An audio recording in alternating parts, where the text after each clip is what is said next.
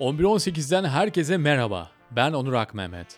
Bu hafta podcast'te konuğum Evren Barış Yavuz. Barış uzun süredir edebiyat dünyasının içerisinde, aynı zamanda Kadıköy Belediyesi'nde son 4 yıldır iletişim danışmanlığı yapıyor.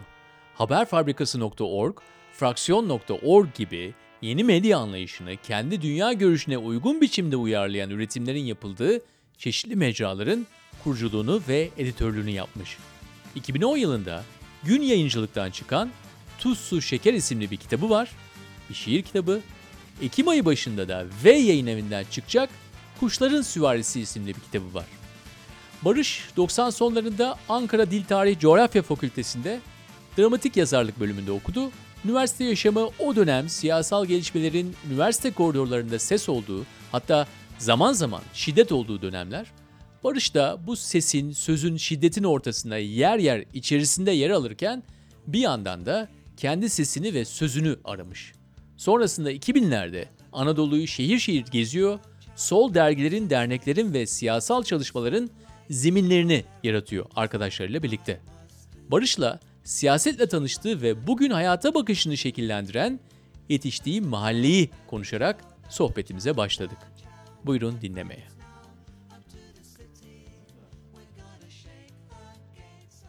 Sen örgütlü hareketin tabii lise yıllarında da Hı hı. içindesin. Hı hı. Ee, aileden de ge- getirdiğin bir birikim var. Hı hı. Ee, oralara bizi götürürsen e, ne tür imajlar böyle aklına gelir? Yani e, ne bileyim çocukken, gençken, erken gençlik zamanlarında e, onların algılanması da tabii şimdiki gibi olmuyor. Evet. Ama şu andaki bizim avantajımız yani e, ona bakma imkanı buluyoruz. Çok güzel. Birebir tabii o anı yakalayamasak dahi bazıları aralarında sıyrılır. Ya benim açımdan hani ben kendimi hep bir kalabalığın bir parçası gibi hissettim. Bu bu kalabalığı şöyle ifade ede bir bir an bir imaj olarak anlatırsam. Hani ben annemle beraber babamın arkadaşları vardı. Babamız babamı ben çok erken kaybettim. Ben neredeyse hiç görmedim. 83 yılında işkenceye bağlı, sistematik işkenceye bağlı nedenlerden babamı kaybettik biz. Babam öldüğünde 26 ya da 27 yaşlarındaydı. O aradaydı. Annemse 19-20 yaşındaydı. Ee, tek çocuğum annem sonrasında evlenmedi. Ama babamın arkadaşlarını ziyarete biz gitmeye devam ettik. Gerçekten ben Sağmalcılar cezaevinin karşısındaki kahvelerde oturup cezaevine gitmiş yakınlarımızı bekledik. Ben oradaki çocukları gördüm yani. O çocuklardan bir parçasıydım ben. Ben o çocuklarla beraber büyüdüm yani. Doğal olarak kendimi o imajların bir parçası gibi hissediyorum. O anların bir parçası gibi hissediyorum. Politik bir ailede büyüdüm. Ailemde devrimcilik yap- yapanlar vardı. Devrimci harekette gönül verenler vardı. Siyaset yapanlar vardı. Ve doğal olarak bunun bedelleriyle de karşılaşanlar vardı. Hani dayımın erken yaşlarda tutuklanmasını bizim evden alıp tutuklandı. Ben Gültepe'de bir mahallede büyüdüm İstanbul'da. Doğal olarak etrafımda bütün duvar yazılarıyla, sokak çatışmalarıyla, e, bitmek tükenmek bilmez polis, sirenlerle büyüdüm. Ve ben bu böyle büyüyen, ülkenin doğusunda ya da batısında büyüyen milyonlarca çocuktan bir tanesiydim aslında. Doğal olarak ben ortaokul sona geldiğimde erken büyümek zorunda kaldım. Çünkü ben aslında ortaokul sonunda liseye başlarken artık örgütlüydüm. Bir siyaset yapmak yapma biçiminde örgütlüydüm. Ve dünyayı değiştirebileceğimize dair, dünyanın değişebilirliğine dair hala aynı fikirdeyim. Emek vermek ve bunu örgütlü yapmak gerektiğini düşünüyordum. Ve aslında tam da Ankara'da o iklimin içinde öyle bir e, zamanla karşı karşıya kaldım. Doğal olarak bütün lise hayatım Mustafa Kemal Lisesi diye yeni mahallede orta halli memur çocuklarının oturduğu, yani yoksullarla Şentepe gibi, Yahyalar gibi yoksul mahallelerden gelen çocuklarla mem- yeni mahallenin memur çocuklarının beraber okuduğu bir okulda okudum ben. İki kez liseden atıldım öncesinde. İki kez de liseye e, Cumhuriyet Halk Partili abilerimizin sağladığı bir takım avantajlara geri döndüm. Üzerlerimde emeği vardır. Hatta bir gün Murat Karayalçın'la karşılaştığımda ona kendisine söylemiştim burada İstanbul'da. E, annem sizden aldığı bir kartvizit sayesinde ben bir liseye kaydolabildim. Çok uzun zaman geçti ama teşekkür ederim dedim şaşırdı. O zaman belediye başkanı mıydı peki? O zaman belediye başkanlığını kaybetmişti. Bir sonraki dönemde adaydı. Ama Ankara'da çok etkili bir siyasetçiydi hala Murat Karayalçın. Ve onun sağladığı bir kartvizitle hakikaten ben lise hayatımı bitirdim. Ya bu kartvizitlerin işe yaradığı zamanları çok özlüyorum yani artık gittikçe. Evet, değil mi? Arkasına da böyle bir çizgi atarlardı ama. Tabii arkasına ismi yazılır. Gideceğiniz kişinin ismi yazılır. Kartvizit bellidir bir de imza atılır ki ondan geldiği anlaşılsın. Gerçekten ben o kartvizitle bir liseye kaydolabildim Onur. Yoksa çok zordu. Çünkü aynı zamanda Türkiye çok gaddar da bir ülkeydi 90'larda. Ee, şimdi 90'lara karşı çok fazla e, nostalji yapılıyor. Özellikle yaşı genç arkadaşlar çok nostalji yapıyorlar görüyorum ama zannımca aynı 90'larda e, yaşamış olsalar da nostalji yapacaklarını hiç sanmıyorum. Türkiye evet e, daha çeşitli bir ülkeydi. Türkiye evet daha renkli bir ülkeydi ama e, gaddarlık konusunda bugünlerle rahatlıkla kapışırdı. Ee, biraz önce bana verdiğin imaja ben geri döndüm. Sağmacılar cezaevinin önünde e, o sabahleyin işte kahvede e, çocukların e, birbirine bakması. E, o siyah beyaz dönemler zaten Aynen biraz da. Hele böyle kışsa, yağmurda yağmışsa zaten o nem kokusunu hissedersin orada.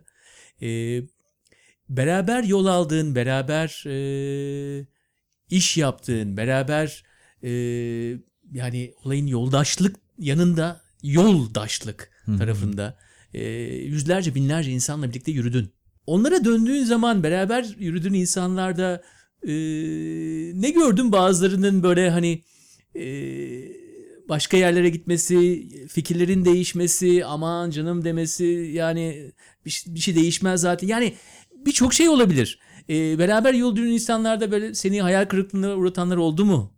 E, biraz da o taraflara da girmek isterim. Lütfen. Biraz daha tabii barışı tanımak adına. Çok sağ ol. Yani evet kendi adıma formüle edebildiğim şey şu.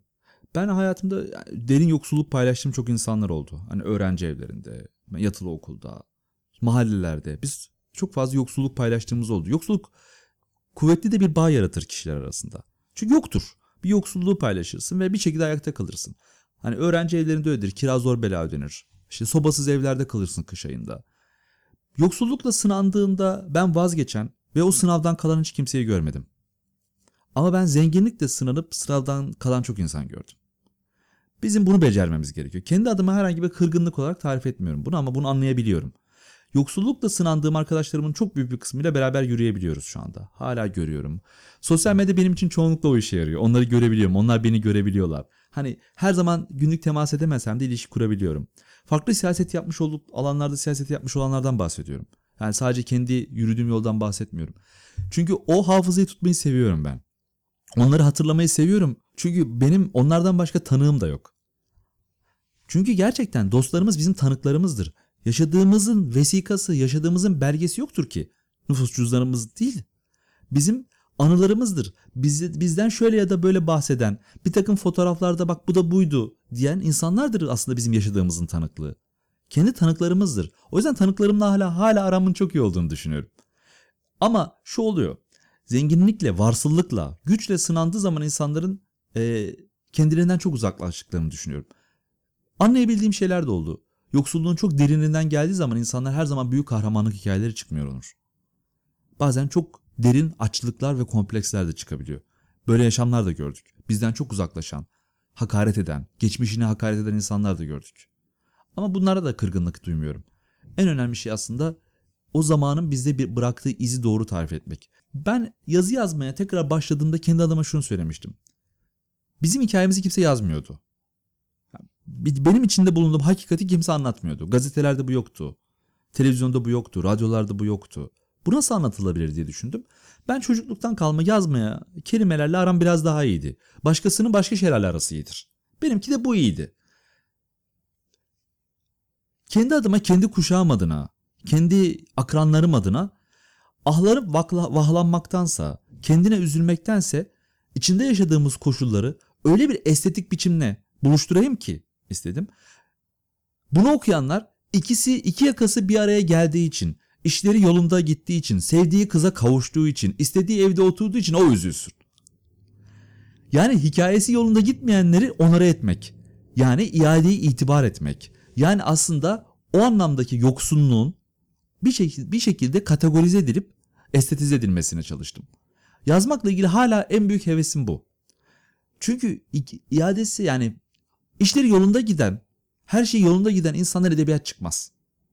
Oradan yani kara kaplı kitapları açalım üniversitelerin kütüphanelerinde. Büyük kütüphanelere gidelim.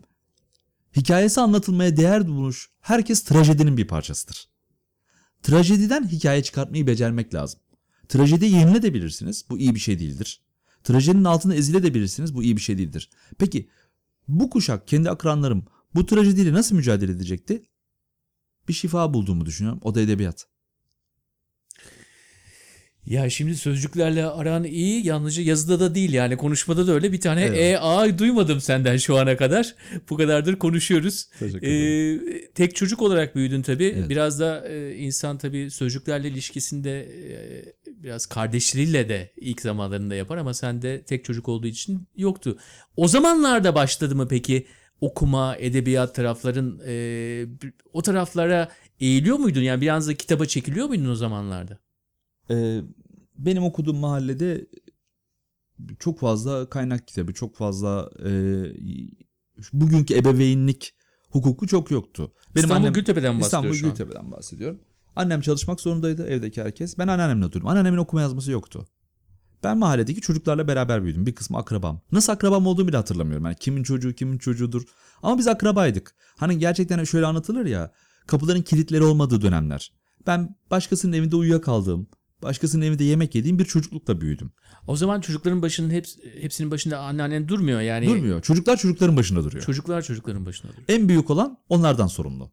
Bir de aslında küçük çeteler. Ama aynı zamanda dayanışma içinde olmak zorunda. Çünkü e, kimsenin bu çocuklarla özel ilgilenecek vakti yok. Bugünkü ebeveynlik gibi düşünmeyelim. Yani bunu dinleyenler belki şaşıracaklardır. O zamanki çocuklar e, bugünkü hassasiyetlerle değildi. O zaman da bu arada sapık vardı. O zaman da çocuklara araba çarpardı. O zaman da çocuklar kaybolurdu. Ama bugünkü biçimde çocuklar esir alınmamıştı. Evlere kapatılmamıştı. Peki siz bu e, çete gibi aynı zamanda e, daireden çıkıp etrafta da dolaşır mıydınız yani sokakta da E çünkü dolaşır Bir mıydınız? gece kondu mahallesi. Bahçeler ortak. Sokaklar ortak. Çıkıp dolaşabiliyorsunuz. Yani benim çocukluğum 20 tane çocukla beraber e, Trakya yönüne giden otobüslere binip işte Selim Paşa'da yüzerek sonra geri dönerek sonra Florya'ya gidip Galatasaray'ın idmanlarını izleyerek falan geçti. Ama aynı zamanda e, nasıl edebiyat kısmı ya da yazınla nasıl ilişki kurduğum kısmı ilkokulun son dönemlerine do- doğru e, öğretmenim o zamanki öğretmenim Hürmüsü Hanım benim herhalde biraz daha eğitime yatkın olduğumu keşfetti. Üç kişi seçti bizden. 5 yıldır senin öğretmenin miydi Evet peki? evet dördüncü sınıftaydım. Anadolu Lisesi'ne hazırlık diye bir şeyden bahsetti. Emin ol ben bilmiyordum. Anneannem de bilmiyordu. Bizi üye şey yaptı, kaydımı yaptı. Sonra bana kendisi bir gün ben bir gün eve giriyordum. Eve girdim klasik siyah önlüğümü çıkarttım. Çantamı bir yere bıraktım. İçeri mutfağa gittim hani ağzıma tıkacak bir şeyler ararken. Arkamı döndüm. Şeyle karşılaştım. Öğretmenle karşılaştım. Beni takip etmiş. Çünkü velin gelsin annen gelsin diyor ama ben annem çalışıyor ve gelemiyor okula. Anneannem de diyor ki nasıl gidip ne yapacağım? Çünkü okuma yazması yok anneannemin. O kadın o gün bizde takriben 2-3 saat geçirdi. Ee, ve anneanneme sordu çocuğun derslerine kim yardım ediyor dedi. Kimse yardım edemiyor kendi yapıyor dedi. Bizimle sohbet etti. Bir gün sonra bana kaynak kitapları getirdi. Dersten sonra beni alıkoydu. 2 saat, 1 saat. Her gün benimle test çözdü. Kendi kırtasiyeleri vardı. Kırtasiyelerinde beni çağırdı. Oğluyla beraber bana ders çalıştırdı. Ben o, o ilkokul bitiminde Anadolu Lisesi'ni kazandım. Ne demek olduğunu bilmiyordum ama kazandım. Hayatıma önemli bir etkisi olmuştur. Çünkü bu- evet bizim hayatımızda sol bir tendans vardı. Kitaplar sevilirdi. Benim evimde kitap vardı. Klasikler vardı mesela. Hani Ignazio Siloni'yi hatırlıyorum mesela. Ekmek ve Şarabı hatırlıyorum. Hani Oscar Wilde'ı hatırlıyorum. Dostoyevski'yi hatırlıyorum evden. Çocukken bizim mahallede çok e, önemli bir şey değildir bu. Herkes çalışırdı. Onur. Herkes bir şekilde yazları çalışırdı ya da hafta sonları çalışırdı. Kimi çörek satar, kimi su satar, kimi başka bir iş yapar. Ben de çalışırdım. Hani pazardan çalıştığımızın bir kısım harçlığıyla hep hayal ettiğim muz alıp bir kısmıyla da okuma kitabı aldığımı hatırlıyorum. Bu benim yatkınlığımı ele veriyor diye düşünüyorum kendime dönüp baktığımda. Kendin okuma kitabı aldın. Evet. Yani Çünkü pazarda okuma kitabı satılıyordu ama. Hmm. Çünkü o pazarlar şu anki pazarlar gibi değildi. Evet. Pazarda okuma kitabı satılıyordu. Kırtasiye malzemesi satılıyordu. Ee, şimdi dönüp baktığımda tekrar hani o günkü İstanbul'a dönüp baktığımda, o günkü Türkiye'ye baktığımda aslında daha iyimser bir şey de görebiliyorum böyle baktığımda. Evet karanlık, son derece kesif bir devlet şiddeti, son derece karanlık günler, ülkede çok ciddi bir çatışma var. Biz içindeyiz, biz bunu anlayamıyoruz. İşte o zaman işte şeyler geliyor. Doğudan, biz ona o zaman doğu diyoruz o zaman işte Bitlis'ten, Van'dan insanlar mahalleye taşınmaya başlıyorlar. Sen onları görüyorsun mesela. İlk Görüyorsun. o kamyonun girmesini, taşınmaları görüyorsun. Onu görüyorsun. Ama onlar şeyi anlatıyorlar. Orada çatışma vardı diyorlar. Asker vardı. Biz köyü bıraktık diyorlar. Ama biz de tanığız. Ben de akrep görüyorum zaten ilkokulun bahçesinde. Ha, biz de tanığız. Biz de çok uzağında değiliz zaten. Sonra o çocuklarla bizim ortak bir kaderimiz olduğunu orada keşfettim. Beraber büyüdük. Çok dillerini anlayamıyordum. Onlar da benim çok dilimi anlayamıyordu belki. Ama bizim ortak bir kaderimiz vardı. Aynı mahalledeydik artık.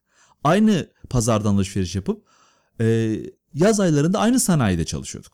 Dillerini anlayamıyorum, deyince yani e, birebir bildiğimiz dil Kürtçe Türkçe, konuşulduğu evet, için mi anlamıyorum? Çocuklar son, çoğunlukla ailelerinden hani ana dilde eğitim almadıkları halde ailelerinden dil becerisiyle geliyordu. Orada ilkokulu takip edebilmişse bile oradaki eğitimin ne, ne, kalitesi hem ana dili eğitim vermediği gibi Türkçe eğitimi de doğru düzgün veremiyor. E çocuklar zaten eğitim almamışlardı. Burada çok büyük güçlükler çektiklerini gördüm okulda arkadaşlarımla. İki grupla karşılaştım. Kürtler ve muhacirler. Muhacirler de hatırlarsın o dönem gelmişlerdi Türkiye'ye. Bulgaristan'dan olanlar Evet. Ve özellikle. o çocuklar da çok büyük zorluklar çektiklerini gördüm. Yani aynı şeydi aslında. Biz oradaydık, zorluk yaşıyorduk. E sınıfın 93 kişi olduğu bir ilkokuldan bahsediyorum. yani o gün birileri hasta olsun da rahat oturalım. Hani birileri gelmesin de rahat oturalım diye beklediğimiz zamanlardan 93 bahsediyorum. yüksek ben 65-70 okumuştum ama demek 93 de çünkü hakikaten bölge itibariyle şey de bize geldi. Balkan göçmenleri de bizim okula geldi. Doğudan gelen, Kürt illerinden gelen çocuklar da bizim okula gelmişti. Çok enteresandı yani. Hakikaten hani şey boş derslerde şarkı söyletildiği zaman bir çocuğun kalkıp e, İbrahim Tatlıses söyleyip öbür çocuğun Kürtçe bir şeyler mırıldanıp öbür çocuğun Zülfilvaneli söyleyip benim kalkıp Ali Aydar Ölmez ağlama bacım söylediğim enteresan bir ilkokuldu yani. Birbirine benzemez bir kader birliği yani. Ama hakikaten çocukların hepsi ortak yanları vardı. Aynı mahallenin, aynı toprakların çocuklarıydı yani. Peki beraber e, çalıştık dediğimiz zaman yani sokakta tabii e, satıcılık yapıyorsunuz. Tabii tabii. E, ne satıyordun veya arkadaşların ne satıyordun? Ne- nerelere gidiyordunuz? Şimdi aslında bizim için en Başka tem- mahallelere gidiyordunuz başka mahalleler ya bizim orada apartmanların daha yoğun olduğu mahalleler vardı. Oralarda kahveler vardı. İşte yani en yaygın iktisadımız e, pazarlarda su satmak, limonata satmak. İkinci yaygın iktisadımız da çörek satmaktı Ganyan bayilerinde. Hmm. E, keyifli bir şeydi bizim için. Çünkü gerçekten kendimizi özgür hissediyorduk. Eve bir şey getirebilmek güç, önemli bir şeydi. Hem kendi masrafını çıkartmak ama aynı zamanda eve katkı sağladığını düşünmek iyi bir histi. E, o çocukların kendi gelişimlerinde, benlik duygularında çok özel bir yer ediniyor diye düşünüyorum ben. Yani dünya ile kurdukları ilişkiyi daha erken kurmalarını sağlıyor. Kendilerini bir varlık olarak daha erken deneyimlemelerini sağlıyor diye düşünüyorum. E, Çörekte iyi para vardı ama. Ya çörekte iyi para vardır çünkü insan izlemek için de aynı zamanda çok güzel yerler e, ganyan Tabii. bayileri. Tabii. İnsanın e,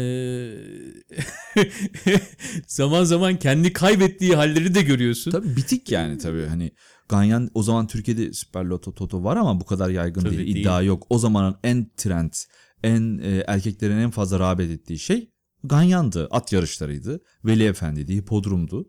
Orada bir yaşam görüyorsun. Hani o da bir yaşam biçimi. O kahveleri görüyorsun. İşsiz kahveleridir bunların çoğunluğu. Bu kahvelerde her yaştan, her toplumsal kesimden, her dilden, her ulustan insan vardır. Tamamen Anadolu gibidir yani. İşçi mahalleleri biraz öyledir bilirsin. Karmadır aslında. Ya Oğuz vardı. Hala çok da severim. Ee, Oğuz'la beraber çörek işinde çok başarılıydık. Ee, Anneannem hamuru açar, onun annesi kızartırdı. Ve biz beraber o teşkilatı iyi kurmuştuk. Mesela Oğuz'un hikayesi iyi bir hikayedir. Oğuz liseyi okuduktan sonra devam edemedi, üniversite okuyamadı. Ama ne yaptı? Topkapı'da bir matbaada işe girdi. O matbaada işçi olarak işe girdi Oğuz. O matbaada grafik yapmayı öğrendi. O matbaanın grafikeri oldu, şimdi grafikerlik yapıyor. Aslında o bahsettiğim çörek sattığı günlerin bilgisi bu ona katan. Bir şey öğrenme, sürekli kendini geliştirme, sürekli kendini iyileştirmeye çalışma. Hiçbir şey beklememe kimseden. Kendini var etmeye çalışma. Kendi alanını kendi açmak için gayret etme hali ben Oğuz'un çörek sattığı günlerden geldiğini düşünüyorum.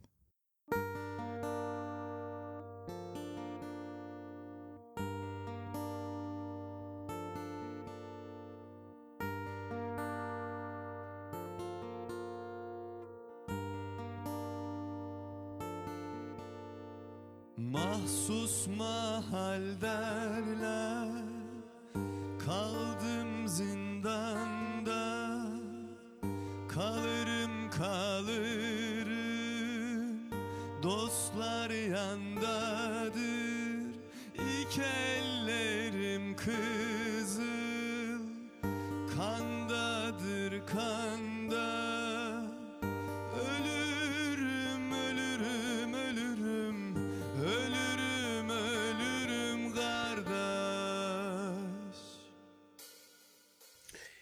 kendi alanını kendi var etme hali dediğin zaman ve e, orada da ayrı bir radikalleşme var. Yani uç olmazsan kaybolursun. Bir şeyin ucu olacaksın. Evet. Öyle bir halde kendini var etmek için, kendi var etmenin birçok yolu var.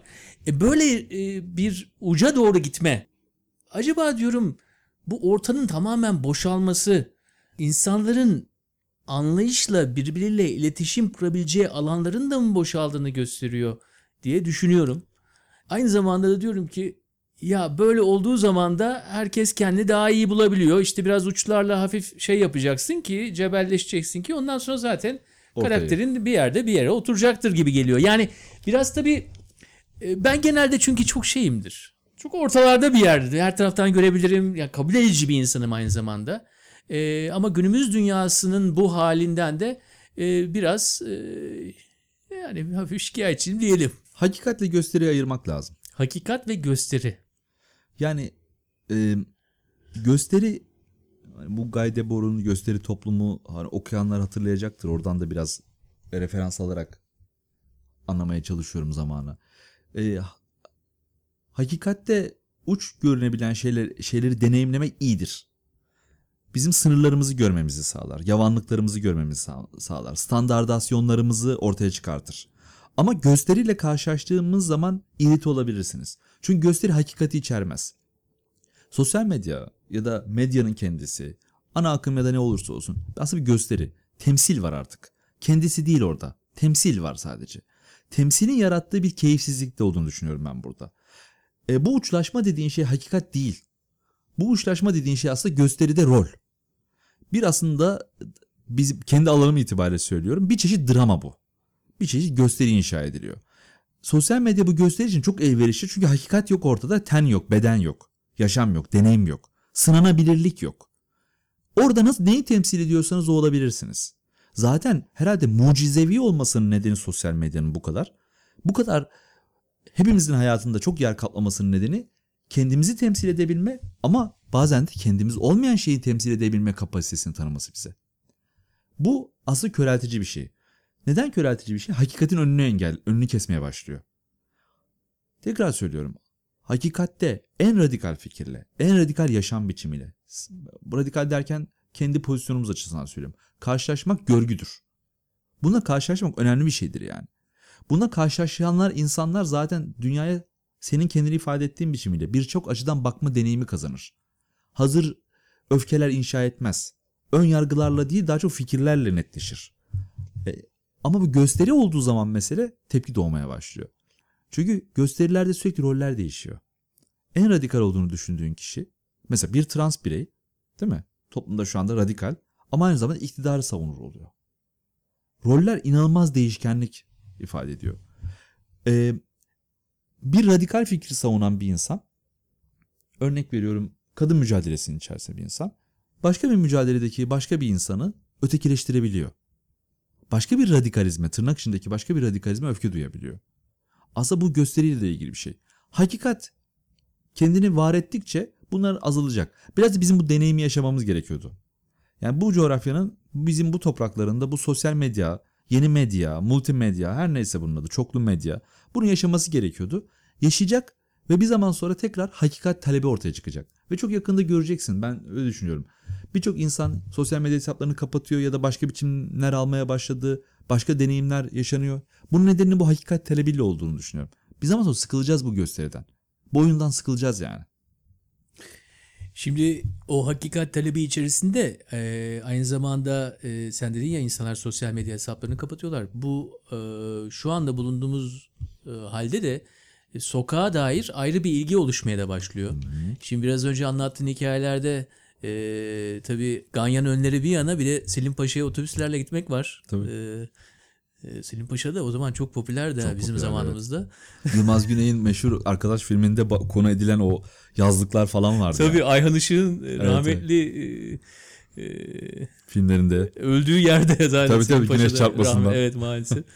Ee, sokak aynı zamanda o tenselin e, olduğu yer. Yani tamam kelimeler insanları ayırıyor ama birbirini görmek de bir yana dokunabildiğin zaman ayrı bir şey var. Ee, İstanbul'da özellikle yaşadığımız şehirde senin için şu anda sokağın anlamı ne?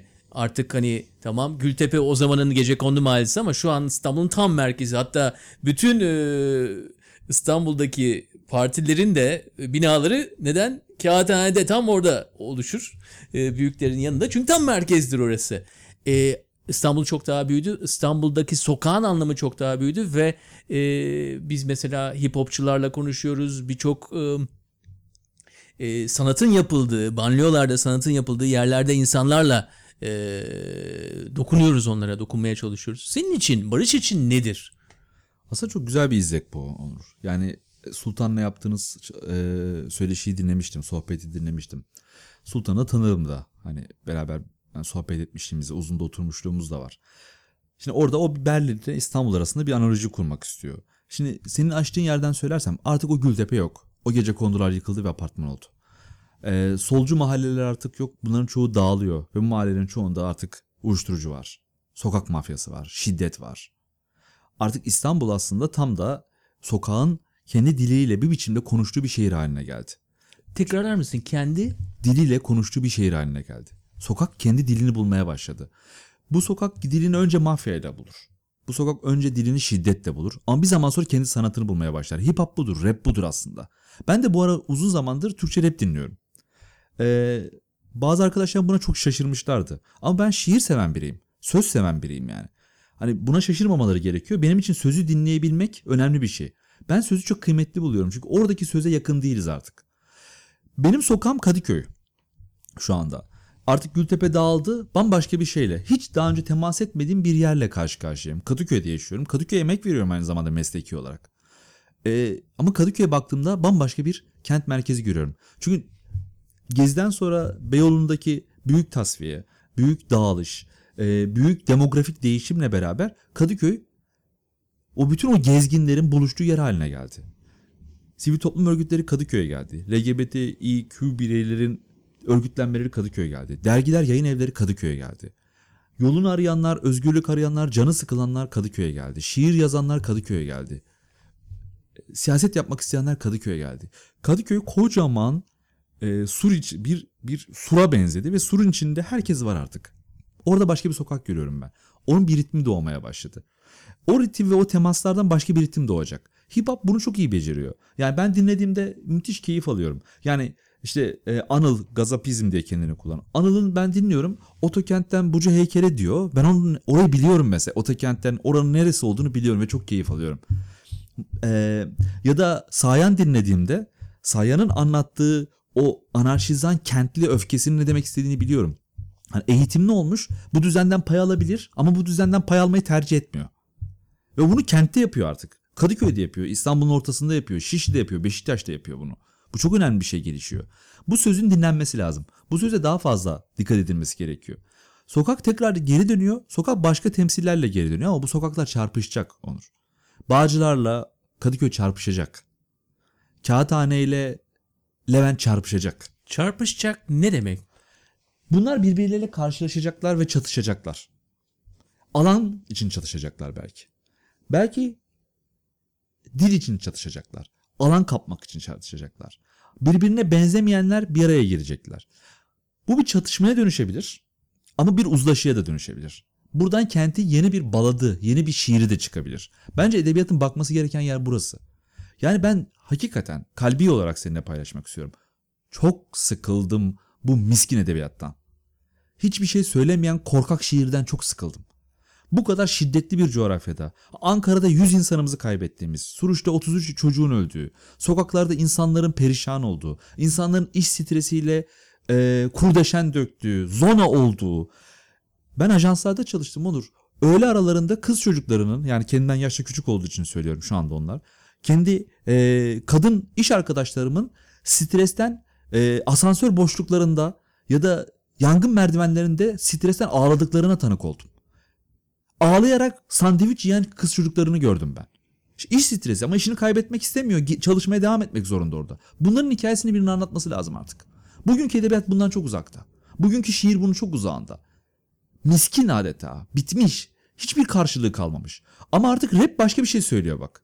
Rap diyor ki yok öyle bir şey yok diyor. Bak diyor çatışıyoruz, vuruşuyoruz, sokaktayız, arabadayız. Ot kullanan var, ölen var, kendini öldüren var. Ya birinin bunu anlatması lazım.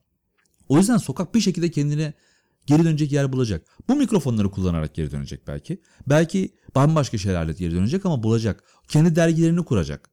O bizim az önce bahsettiğim, bir önceki bahiste bahsettiğim hakikate yaklaşmamız için iyi bir deneyim olacak. Çünkü Kadıköy olsa, Üsküdar'da olsa burası, Kurtuluş'ta Bomonti'de bir sokak arası da olsa, Esenyurt'ta bir meydan da olsa sokaktaki temas hakikattir. Oradaki esnaf vardır, oradaki işportacı oradadır. Ona bakmadan hayat anlayamazsın. Kendini de var edemezsin. Çünkü bir insan düşünsel bir varlık değil. Aynı zamanda sadece manevi bir varlık, fiziki bir varlık. Bedenen oradasın. Kendini bu kadar yatsıyamazsın. Sadece imajlar değiliz aslında. Beden olarak varız. O yüzden sokak geri dönecek. Ben buradan çok önemli bir deneyim olacağını düşünüyorum. Kendi adıma sokağın dönüşünden de çok memnunum yani. Çok şey ifade ettin. Yani ben e, kendi kendime hep şey derim. Bilmiş ataletine, e, cahil cesaretini her zaman tercih ederim. E, bu da bilmiş ataletini iyi bilmemden kaynaklanıyor. Hepimiz tanıyoruz. o, evet. e, çünkü o atalet de biraz önce bahsettiğin e, şiirdeki ve e, diğer edebiyat türlerindeki yavanlığında. tereddüt yani böyle. Tereddüt içinde sürekli. Sürekli kesinlikten uzak. Sürekli hakikatten ben buyum. Bu dünyada bunu istiyorum, bunu düşünüyorum diyebilecek cüretten uzak. Çok temel bir sözcük. Cüret yok ya. Cüret olmadan siyaset yapamayız Onur. Cüret olmayan radyoculuk da yapamayız. Dergicilik de yapamayız. Cüretimiz olmazsa biz kendi hayatımızda aşık da olamayız. Aşık olmaya da cesaretimiz olmaz. Dünyayı değiştirmeye de cesaretim olmaz. Cüretkar insanların geri dönmesi ya da cüretkar bırakalım onlar geri dönmüyorsa şu anki mevcutların cüretkar çocuklara yerlerini terk etmeleri gerekiyor. İşgal ettikleri alanları derhal bırakmaları gerekiyor. Yoksa işgal ettikleri alanları çürüterek yok olacaklar. Bu çocuklar başka bir hikaye bulacaklar. Çıkacak işte kağıt toplayıcı katık diye dergi yapacak başka bir şey söyleyecek. O bir yolunu bulur ya. Hiçbir şey yapamıyorsa gider bir tane straforun üzerine yazı yazar oraya bırakır. Sen ister oku ister okuma. O onun iletişimidir. O onun dergisi odur. Straforun üzerine yazdığı Ahmet Kaya sözü onun dergisidir. Senin dergin gibi kitap evinde basılmıyor olabilir. Ya da editoryal kurullardan geçmiyor olabilir ama o hakikattir. O senden daha fazla hak etmiştir temsil edilmeyi. Çünkü sen artık temsil etmiyorsun. Sen gösteriye dönüşmüşsün. Sen hakikatle bağını kaybettiğin anda sokakla, yaşamla, fabrikayla, okulla, yurtla bağını kaybettiğin anda aslında bir zaman sonra gösteriye dönüşüyorsun. Az önce konuştuğumuz gösteri dediğim, teatrallik dediğim şey bu. Kötü bir teatrallik var ortada. Bu teatralliğin bitmesi lazım ama nasıl biter bilmiyorum. Bu konuda başka bir cesaret gerekiyor galiba. Bir sonra bir araya geldiğimiz zaman inşallah o gösteri hakikat arasındaki dengenin biraz daha değiştiği bir zamanda umuyorum. oluruz ama bu sefer bir sonbahar öğleden sonrası Taksim'de buluştuk. Şunu hissettim seninle konuşurken eee yalnızca sözde değil aynı zamanda da özde de o hakikati taşıyan bir insansın. Onun için çok teşekkürler. 11-18 yayınına eee, konuk olduğun için Barış. Teşekkür ederim ben de bu fırsatı verdiğiniz için. Dinleyenlerin e, herkese her nerede dinliyorlarsa e, selamlarımı iletmek isterim. Dostlukla kucaklıyorum hepsini. Barış hakikat ve gösteriyi ayıralım diyor. Cezaevinin karşısındaki kahvehanede annesini bekleyen bir çocuk o. Hakikat arayışını ve kendi dilini ve üslubunu arayışını bizimle şeffaflıkla paylaştı. Evren Barış Yavuz'a çok teşekkür ediyorum. Dinleyenler için de yani senin için de cüretini arttırsın diyorum. Gelecek Perşembe yeni bir insan, yeni bir hikaye ve yeni bir podcast'te yine buradayız. Ölüler dirilerden çalacak. Silahını al, silahını al. Ölüler dirilerden çalacak. Hakkında değil fazlasında gözü var. Var, mızmızlar, dımdızlak kalacaklar. Saygın adamları korku basacak. Ölüler dirilerden çalacak